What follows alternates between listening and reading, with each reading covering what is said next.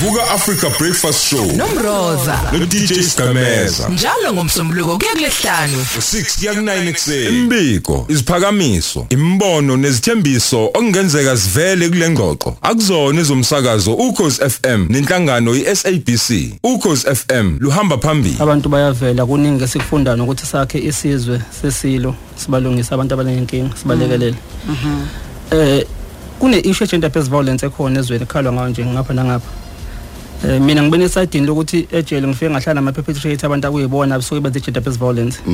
Ngakwazi ukuhlala nabo lo 17 years ngiunderstand ukuthi yini esuke ibenzisa lamacala bawenzile Oh ngaphakathi ba- bayakwazi ukuphefumula ngoba nisuke nonke nindawo Sihleli, yes, yes, ukuthi yes. ngakwenza ukuthi ngempela yazi ngaliphika mhlambe lela cala kodwa ngakwenza Yes. ngangikwenziswa ukuthi nokuthi nokuthi. Yes and kwenzeke futhi lokho isikhathi engaqanda ejele based violence umuntu nje ever since ngo 2000 sixoxa ngama cases ukuthi uzobe sejele kwenzakaleni what did you go wrong. Iyaqala into ejele based violence nje iba umlilo sesine understanding thina ukuthi kusuke kusuka so uma umuntu ephumela ngaphandle esebhekana ne issue ejele based violence sengitholela elinye iside futhi manje kuma victims abantu abasuke behlukumezekile. Njengale case ke sikhuluma ngayo nje namhlanje ngoba u- uhulumeni nezwe kubhekwa umuntu ohlukumezeke njengamanje. Kungabhekwa umuntu owalimala kudala ngetshintsha based violence yile case ke sokhuluma ngayo namhlanje ngoba sebebaningi abantu sebengithintile abadlungulwa kudalwa within imndenini nabazali babo kwaze kwazaleka izingane laba bantu banelonda abangazi izoyihila kanjani. So bayafona bayakhala ukuthi sicela usize. Le case namhlanje nje umama wadlungulwa ubaba wakhe. Yo. Wamzalisa ingane ingane ikhulile wathi ubaba angashwa akakhomba omunye umuntu ukuthi ingane yakhe. Yo. Ikhona ingane njengamanje over 30 years. Iyazi ukuthi umkhulu umkhulu and bayazwana nomkhulu ayazi ukuthi umkhulu baba sure Siqhomeza eh esayibeka nje umdu wethuleleni organization umdu umkhwanazi eh sengimtholile udade wethu lapho siqhomeza Anani base sikubingelele masikwamukele kuKhozi Exen. Yebo ninjani? Siyaphila dade wethu kunjani? Siyaphila. Hayi, no ngingejabula ukuthi igama awuzukuliveza ukuze uzokwazi ukuthi usixoxele kahle lolu daba. Uthintile umfowethu umdula lapha wenhlangano ithuleleni. Eh wayithi gaga le ndaba lena. Mhlamba ke singene kuyona. Kwenzakalani kuwena eminyakeni engaphezulu kwa 33 edlule? Eh bengimncane ngicabanga ukuthi bengina 12 years. Ngiphila phakathi ngiphila esimene esibi ubaba ubengishaya nje abantu benga understand ukuthi ngishayelani engishaya yabo nje noma mhlawumbe umfana meke wadlula eduze kwami Ah. bengizoshawa kodwa abantu bebengaqondi bebeyitshela ukuthi mhlambe mina ngoba ngiyingane ekhohlakele. Ukuthi esuka lapho kubaba wayesekusho ukuthi ngaleso sikhathi ubengigulisa wayeseqala ke esengihlukumeza ngokucansi ngithe sengina 16 nga ngangena endaweni yami yobudala ngikhumbula kahle ngingena endaweni yami yobudala ngavuka ngaye emfuleni nabazali ngashiya ngingendlulile la ngangilele khona phansi ngabuya se- sekunjalo. Kodwa ngangikade nginaye kwaze kwashaya isikhathi sokuthi eyenza lento ngize ngikhulelwe. Uma sengikhulelwe kwakhomba omunye ubhuti owaye efika eh, endaweni.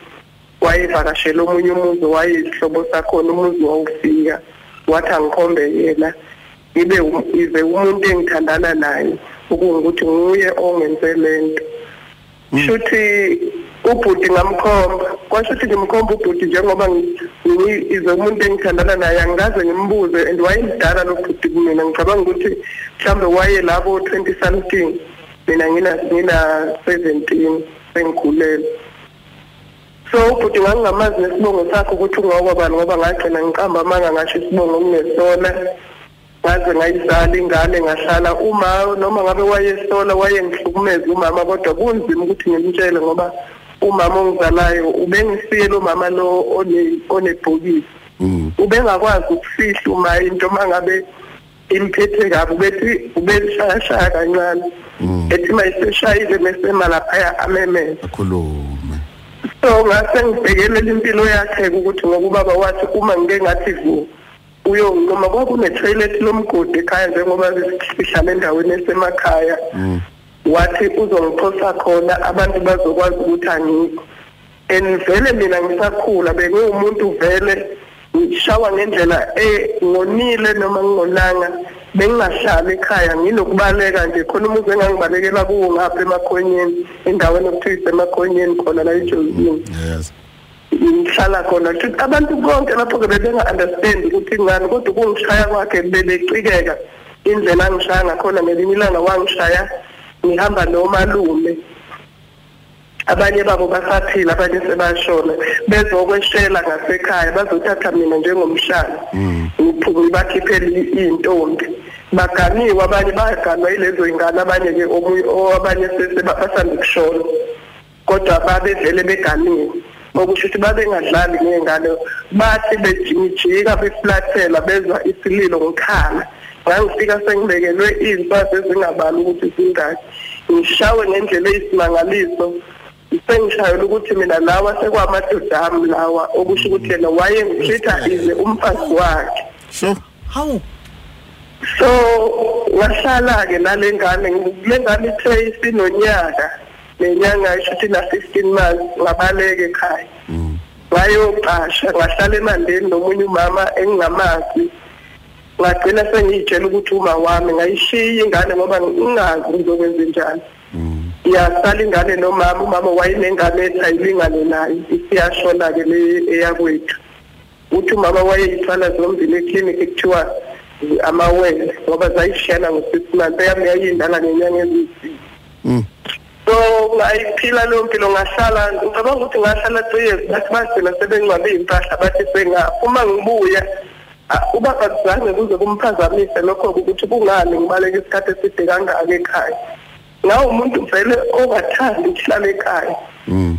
Kuthe manje ngahlala eThekwini impilo yami be- bese ngihlala eThekwini ngaphinde ngahlala angazi noma ngi-right kokusho kodwa ngizosho kwa kwa achaze kakhulu ngoba bazoze bebe lokuhlanganisa indawo yabo ya. Yebo. Ungasho indawo kodwa. Ngahlala komunye ubhuti usihlizike mama mm. Ngahlukunyezwa khona. Ngafikelwa yigebengu zangihlukumeza ngokocansi ngithi ngibalekela ukuhlukunyezwa ekhaya ngimfica phambili. Um iy'ngane zami zamantombazane lapho ngase nginey'ngane zamantombazane nenye yomfana zazisencane le yayifunda u-five yashawa. Baboshwa abafana okay kwadlula lapho-ke. Ngaqhubeka nokuhlala impilo yami ngibona ukuthi eyi ayimnandi nomsebenzi awuhambi kahle ethekwini kuhlalwa ngemali. And nasesikoleni bengingesiye umuntu o-right. Ngatohoza emtateni nje impilo yami inzima ngase ngibhekela lezi ngane zamantombazane ukuthi ziyakhula ngcono ngiyisuse eng- engigcine sengiyithola kamuva. Ngiyisuse ngiyibuyise ngasekhaya ngazohlala nazo ngasekhaya. Ngahlala eside isikhathi emkhukhwini. Ngilethwa ilo lonke uhlobo lwemvula mali banika mina ukho umbane engingawazi ukuthi bekuqhamuka onjani nonjani ney'ngane okay okay. Kunamhlanje Mm, An- anonymous ngizocela sicela sidlule kulesi because usomention igama lomunye umhlonishwa. Eh basidlule kulona eh kuze ngakwazi ukungisiwa uye wayekuhlukumeza noma kwenzakalani lapho? U- umhlonishwa nochawu kusiye nkosi yami yi- i- ngangihlela emzini wakhe ethi yangisiza ukuze ngikwazi ukukhulisa abantwana. Okay umhlonishwa sihlezi kalala. Yebo okay. Ngifuna sidlule kuloko ngoba manje igama lakhe libizekile. So that izoba ne-understanding ukuthi uyasho ukuthi akuyena. ya akuyena owa- owa- owakuhlukumeza okay. Asizeni la uf udaba lakho lu- lu- lu- lunzima kakhulu. Sesifike manje esikhathini la wena usumdala ingane yakho yini? Iwumfana ntombazana iwumfana. U- umkhulu owubaba wakho usaphila? Uyaphila. Bayezwana futhi laba bantu. Bayezwana futhi bazwana ngale ndlela ukuthi izingicike ngoba akakhoni ukumkhuza ngeke uphuze nengane encane. Yo ingane mina uyaphuza ngiyamazi ukuthi uyaphuza kodwa akaveli phambi kwami ephuzile. Usho kahle ethi umama akangifuni nje bese-ke futhi okungiphatha kabi la sengikhona-ke ekhaya ngaphuma kudala. Akasondeli ngisho usondele ubaba. Kodwa uyinto nje katshwala ayina-future okungukuthi akanawo nje i-I d. Angazi nokuthi ngizomqala kanjani ngimtsheleni usenazi anazi Awunazi nokuthi abantu bayakhuluma. Okhona abantu abasebeyinukile indaba la emphak- emphakathini? Bakhona abantu abake bambuza imibuzo kusho ukuthi aqhathanise bese eyathula kube ukuthi akakhoni ukungibuza kusho ukuthi kahle kahle ingane iyangizonda kuyimanje. Bese ngibheka ukuthi uzoyitshela kanjani ngoba kwakhona ukuyitshela ngempela kuyoba nzima usekhule kakhulu umdala yo akaze kwenzeke abuza athi uphi baba wami? Akaze ngibuze. Mm. Uma ucabanga umama nje obuthi ubenenkinga yophuzo noma usanenkinga yophuzo manje inge- ingenze ukuthi ubehlukunye ehlukunyezwa ubaba wakho. ubehlukunyezwa ubaba kungukuthi naye ukuhamba kwakhe nje ubeshawa ekesifice esihleli nje naye kungonakele lutho afika amdonsa amdonsele endlini amshaye ngoba nokuhamba kwakhe nje emhlabeni uhamba ngendlela engabonakali washona namhlanje ngo-eight ebusuku ekuseni wathi akangcwatshwa ngokukhulu ukushesha abakubo babengekho umndeni wakhe nje kwakungekho ngisho uwodwa. Umalume owayeseduze wathi mefonelwa wacela emsebenzini khona eduzane weza wafica umgodi kadadewabo kuyophela. Yo manje omunye umuntu okay. Eh, uzothi omunye umuntu eh, eh, eh, eh, eh, konke lokhu istory esakhiwayo une enga nobaba. Ingakho usufuna eh uku- uku- ukuze umlinkanise noma umsondeze nanodaba lokudlula kamama emhlabeni. Umuntu ocabanga kanjalo ungathini? Vele abantu bayakhuluma bakhuluma noma yini kodwa engikwaziyo akekho ungazi endaweni ukuthi uma umama ubehlukumezeke kanjani. And ubeke eshawe size safika emaphoyiseni ethi uyothatha iy'mpahla zakhe. Eh ejozini kwakusekhona iphoyisa okwakuthiwa ubaba inkosi elalisebenzela khona safica lona wathi uzocela iy'mpahla wathi inkosi ngeke ngikunike iy'mpahla unje. Wayevaleka amehlo iy'nyembezi ziphuma nga-two two two. Wathi ngathi ngiyakhuluma nokuthi uzothatha iy'mpahla uzosenzakalisa meluyi wathi angihambe ngiyokwenza itiye ngingakhulumi iy'ndaba zabantu abadala. Waqhubeka bamthatha umama waye walanda ubaba waye wathi egibela endleleni wathi umuntu ongibophile uma ngibuya uyazi ukuthi mina ngiyamsusa endleleni Ah. yo Yo. Ngiyacabanga ukuhlukumezeka kwakho konje uthi wawu- wawuneminyaka emingaka ekuhlukumeza ngokocansi.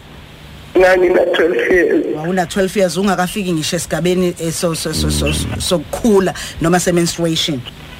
yes U- u- usubuya em akaza nje ayi ayihluphe njalo nokuthi akakubize eceleni akhulume? Into ayenzayo ukuthi njengamanje since kusukela ngaleso sikhathi mina bengihlale ngiwumuntu eyisitha sakhe ngoba uma eseshonile washona ngigulelwa ingane ena-21 kulo nyaka wangixosha ekhaya ngahamba ngayohlala emizini yabantu kubo kwengane ngahlupheka. Ngaze ngayohlala kwamalume isikhetho sami saba ukuhlala kwamalume ilapho-ke ngakhetha ukuhamba nomalumekazi naye wafike ngokwazi ukuthi mina ubaba ungenze nje naye wayesethi ngilala nomalume umalume akaze ngihlukumeze futhi ayikho into umalume akwayenza noma yisho engisolisayo ukuthi umalume wenzani phela umalume wayengikhonzile futhi umalumekazi wakunyanya lokho Ku- ku- Kunjani uthando phakathi kwakho nengane? Akwenzeki kufika isikhathi la uvele uzwe inyanya Yeah. khona ingane yakho. Eh, njengoba ngingahlali nayo yenza izinto ezisinaks ngigcine sengithi eyi aka- akaboni ukuthi wenze njani bamshaye uma bemshaya bemshayela ukuganga ngoba noma ngabe bengimthanda-ke vele angivumelani nokuganga kwakhe. Kodwa ngibe ngazi ukuthi yonke le nto ayenzayo incikene nalobu buhlungu busenhliziyweni yakhe. Sure. Dada bethu siyabonga eh ukuthi ukhulume nathi namhlanje ku Khosi FM ngale kwa 8 sobe sikhuluma nabanye abazi kangcono ngazi izinto zesintu eh ubaba usazi mhlongo. Sibona ukuthi indaba ihamba kuphi. Sizehleleni ke la sibheka khona ingosi yethu ethi ezweni sakhile. Sesibheka istory ithinta ke abantu ngqo nezinto ezenzakayo kubo. Sikhuluma no Anonymous Anonymous uya drop amabhomu eh Anonymous ke uthi em uye kwenzeka ke udaba eh, olubhlungu kakhulu mawulalele eh lapha ke ekhaya khule ingane kusukela eminyaka engabo 12 eh wayilokhu ke hlukunyezwa ubaba wakhe ngokocansi up until kuze kufike la ena 16 khona abe pregnant akhulelwe athola umntwana athiwa akathatha isiso asikhombe komunye umfana wayifikele endaweni hey madoda uyayibuka nje izinye zezinto ezenzeka kithi lo mfana uyaboshwa ugcine seboshwa ngempela. Eboshelwe ke into ke engekho because nangu no anonymous manje useyavuma ukuthi into ke engekho le. Kwezinye izinto ke anonymous ayivezayo uphinde uveza ukuthi ke eh, ukuhlupheka kwakhe ke lokho kwamenza wahamba ehlala endaweni eziningi ezihlukahlukene uthi futhi yena msalofu eh uze wafikekelela ke kwababa uzikalala eh osewu MEC ke manje la esinazini sakaZulu Natal lapho futhi akuphinde athola khona eh ukucasha khona. Okay. Mhlawumbe ngisho ukuthi angidisclaim ukuthi bengazange ukuthi ubani afisa ukummenshina eh noma besingazi bengazange sitshele. Sizwe nje besathi ufuna ukubiza igama.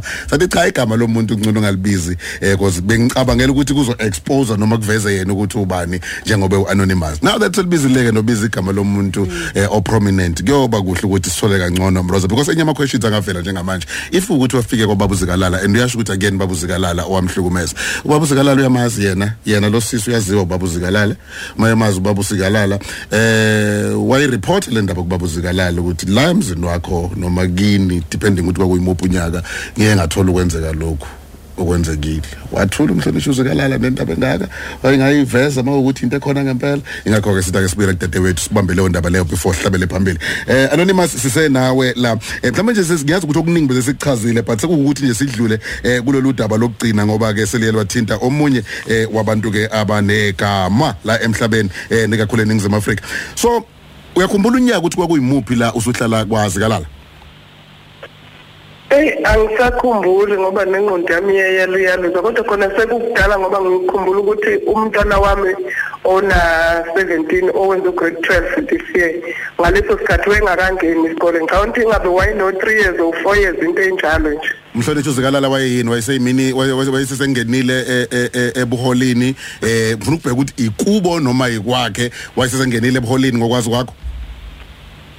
Hayi we we- wese wehamba nobabzu wehamba nobabzuma ngaleso sikhathi ehlala egoli ngoba uyena owanginika isupport enkulu ngoba waze wangi- wangifunela nomseshi kulaba abakhokhelwayo.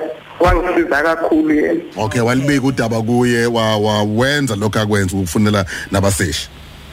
Hayi wangisiza kakhulu. Ngalibika futhi akubikanga mina kwabika omakhelwane ababengisiza. Bamfonela wayese ngoba ngalelo langa wathi angithathwe ngiyolala e-police station endwele cha. Okay. hayi yabona sigameza ngoba ngifuna nami No, ukucaciseleka ukuthi uma kuthiwa sihle zikalala kukhulunywa ngoba baningi osihle zikalala bengifuna ukuba nesiqiniseko sokuthi ukhuluma ngamuphi okay. Yeah. no kodwa futhi uyaqinisekisa ukuthi lo sihlezeka lokhuluma ngayo yilo osewu MEC manje yebo. Alright siyabonga kakhulu. Eh mhlambe eh, mroza asiyeni ku- ku- ku- ku- kubaba usazi eh usazi mhlongo eh ungoti wezamasiko. Sifuna ukubheka ukuthi odabeni usuke lunje ngalolu and ngiyayibona futhi enye angle ezodinga ukufaka eh amaphoyisa. Ama cases nje kuthiwa icala libola. Ama cases njengaleya sengavuka aqalwe phansi eh kwenzekeni because uyabona uma ukuthi umkhulu usaphila eh kumele umkhulu awaphendule amacala abhekene naye. Bonke abantu ababa nesandla eh uma kuukuthi basaphila kufanele bekhona ukuphendula okhona. Akugcini lapho futhi ezinye zezinsolo iveza ukuthi sina nokudlula emhlabeni kamama eh ku questionable ngokusho kukadade wethu but kwamanje ke sibheka ngendaba yesintu ukuthi ke kwenziwe kanjani esimene esinjengalesi khona yini indlela umama angakwazi ukutshela ngayo ingane ukuthi hey lo bulokuthi umkhulu wakho kahle kahle kuyena umkhulu wakho ubaba wakho. Uma sekunje ngesintu kuyaye kwenziwe njani? Samukela lokho zinye FM ubaba eh usazi eh okay umrozo ngitshela ukuthi ke angidlule ngala kuqala bese siyabuya ke sikhulume ke nobaba eh usazi. Mhlongo owungoti kwesintu. Usho ke esipho eh ukuthi eh, lolu daba mhlamba ke silibuke ke ngoko- ngokosiko impilo ngendlela ke esiphila ngayo ukuthi lingalungiseka kanjani. Udade wethu uyafisa ukuthi ke eh, kugcine kwaziwe ekhaya mhlambe nomndeni kanjalo nengane izazi ukuthi ubani ubaba wayo izazi futhi ukuthi ubani umkhulu wayo. Eh nokuthi lo omkhulu ubaba kodwa ke ngoba ukhona ke ubaba usazi mhlongo eh ungoti wezamasiko esinto siyembingelele emsakazweni ukhoze FM kuyivuka Africa Breakfast Show. Ngiyakubingelela msakazi nabalaleli bakho. Eh ngi- ngi- ngithemba ukuthi njomane kamgabha ubulalele yebo bengilalela. Kuthini ukuphawula kwakho ikakhulukazi uma ubheka ngokwesiko lesintu singalekeleleka kanjani singaphuma kanjani kulolu daba? Eh konakele nje kulomuzi kodwa ke eh, ka- kafishane nje kuyawudingeka lo owumenzi walokhu ahlawule njengoba ku- kuyihlazwana ukwenzeka kwento enjengale. Kudingeka ahlawuleke ngoba u- ukwenza lento enjengalena nje uba sengishilo nje kuyalixova nje ngisho nedlozi lengane nokuba iyaphila inhlanhla njena kufanele ngabe ineyinkinga ezingaphezu kwalezi esicabanga ukuthi nazo. Ngakho ke kodwa lo umkhulu ubaba kufanele agcine ehlawulile ngoba nalengane le ezelwe kodingeka yaziswe ukuthi eya e- e- ingane yakhe iwumkhulu umkhulu kuyona kodwa ubaba futhi nakhona lapho kuyawudingeka kuhlawula kuhlawula kokuqala okuhlawula ukuthi wani kubeza ingane yakhe. Okwesibili kufuneka ahlawule ukuthi lengane le esikhona ikwazi ukumbiza ngomkhulu ingalokhu yazi ukuthi um- u- im- u- u- ingazi ukuthi ubaba wayo. Ka- kanti u- i- yona yazi ukuthi umkhulu. Konke lokho kudinga ukuhlawulwa nje ukuze idlozi la kulowo muzi liphinde liqonde ngendlela okuyiyona. Bese kuthi kulona ukubeziwe wesifazane u- ukudlulwa kanjani ke lapho?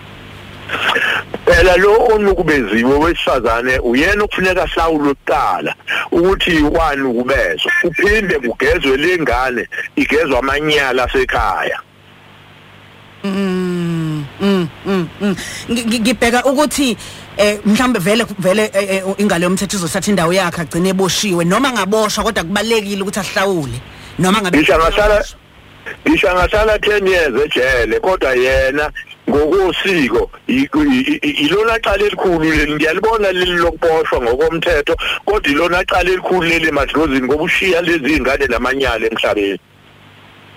Uma mhlambe umuntu enze icala elinje uyahlawule kanjani ke ngokwesintu? Lokhu nje inkomo ifanele nje ahlaba inkomo emzini wakhe engayigayelwa nanotshwala ahlabe beka babe ashweleza asho ukuthi ngikwenzeka into enjengalena ngiyashweleza emzini kobaba bamkhulu nakokhokho bami ukuthi ngenze into engakaze yenziwe emhlabeni. Mm. Kukusuke kwenze njani uma nibheka nina njengabalaphi bendabuko? Eh, yini esikuyenzeka engqondweni yakhe? Kusuke kwenzakala nje? eminye imizi phela ngithi imizi lena abantu asebakuyeka lokho kwakwenziwa abantu bakudala ukuthi umuzi ubethelwe nje ungehlelwa izetho enjengalezi. Kuthi noma ngabe kukhona abantu bakulowo mndeni abaphehla amanzi ulimaza abanye abantu benze sengathi bayiziwunga unga benze izinto engcole njengalezi. Yingoba mhlambe lowo muzi kwakuphehla amanzi kulowo kulowo muzi ukuze kudaleke izinto ezinjengalezi. Manje na ke sekuyasiza ukuthi imizi lena ihlala ihlala ihlale. Kube khona intelezana nje zenezokuchela egcekeni ukuthi umuzi ungehlelwa imanga enjengalezi iyona ke imvamisa into e- e- ejwayele ukwenzeka emzini yabantu uma kuwukuthi kukhona izinto zakhona ezingaqondile. Mhlawumbe sesithi siyangasamaphethelweni nje eh, ngi- ngifisa ukubheka ukuthi eh, njengoba kaMgabi kulolu daba njengoba lunje ubani ongathatha initiative la ukuthi kuqale kube khona umnyakazo khona? Ngibuka ngoba kunomhlakanhlaka udadewethu lela khona naye ubaba u- uphile yakhe impilo abahlangene nanokuhlangana nje eduze laba bantu. Yini ngobani impevu engabizwa la ikwazi ukuthi zilisingathe lolu daba kulomuzi ngoba mina nawe sisibonile isithombe sohlobo lwekhaya eliyilona njengamanje. Kodwa ke ngoba laba bantu bahlala e- e- ekoba kubi ukuthi ambaze ngisazi ukuthi bahlala phi. Uma behlala emakhaya usengaba udaba lwamakhosi phela ngoba ingcolile indawo yale nkosi. Sengaba udaba oluthindwa amadoda endawo induna zendawo uma engenabo abakukwabo ulomkhulu abazoqondisa lesi simo. Kusho ukuthi ngamanye amazwi njengoba be abantu basejozini amakhosi angakhona iwona sungabheka umkhandlo wamakhosi ukuthi eh, ba- benza kanjani Mhla- nanokulithatha futhi baluse emaphoyiseni banawo amandla okumthatha bambophe. Hawu uqonde kakhulu ke kanti ngoba wasemakhaya le kojozini amakhosi wona ofanele athintele ludaba ngoba ezinye zeyinkinga esinazo kulelizwe sihlasela nayizimvula njena kwenzeka zonke lezi zinto. Amashwa anjengalawa ayenzekayo agcine edibekile ku- kungazi ukuthi kwenzeka into ethile. Bese silo siba nemshophi nje siba nemshophi nje. Kanti abantu abanjena benza izinto ezingalungile ezweni. Emndenini mhlambe sengivala ngakumina ngiz- ngizodedela usigomeza ngabe lokhu kungaba ukhondolo? Eh um, lomndeni noma mhlambe kungenzeka ukuthi naye khona eh okwake kwenzeka eh, komkhulu komkhulu noma kungaba yini ukhondolo olungaqhubeka lwehle njalo nezizukulwane? Uma kuyena oqala kusho ukuthi emndenini wakhe usefaka ukhondo lolubi uma engeyena oqala kusho ukuthi vele ukhondo lolubi okusho ukuthi lo muzi unenkinga okudingeka ilungiswe kuwona. Ungoti eh, we- wezamasiko esintu ubaba ke usazi mhlongo. Njomana kamgabhi siyabonga kakhulu ngovo lwakho ngiyabonga. Cause FM kanje njalo kasivaleke nomntu mfethu yes siyazi ukuthi uhlala uyithola lezi ndaba ubuya nazo. Siyabonga kakhulu. Bakuthola kanjani abanye abasenkingeni njengodadewethu abafuna ukukhuluma nawe ayi bafethu ku- kunzima. Eh kunzima kulukhuni. Ngoba uzocabanga nje kube sigqemeza kwasekumanje. Mm kwathiwa lo sizakambo uvula icala le rape ngabe lo muntu amkhomba ukephi njengamanje eish. Kule justice esibhekene nayo. Nayo nje into ephinde ingilimaze kakhulu ukuthi kunomuntu he o- owasukelwa mhlambe ngabe ngempela ungaphakathi.